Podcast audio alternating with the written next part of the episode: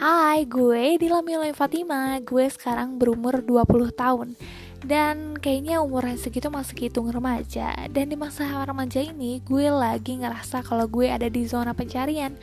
Zona yang gue bingung harus bertindak kayak apa dan kayak gimana. Dan ini gue bakal sharing pengalaman gue sih tentang ngadepin keresahan remaja zaman sekarang juga dan tentunya ini bakalan ngewakilin perasaan kalian juga sih sebagai remaja-remaja pada umumnya. So, podcast ini bakalan tayang tiap hari Selasa. Jadi jangan lupa ya semuanya buat dengerin terus podcastnya. Thank you.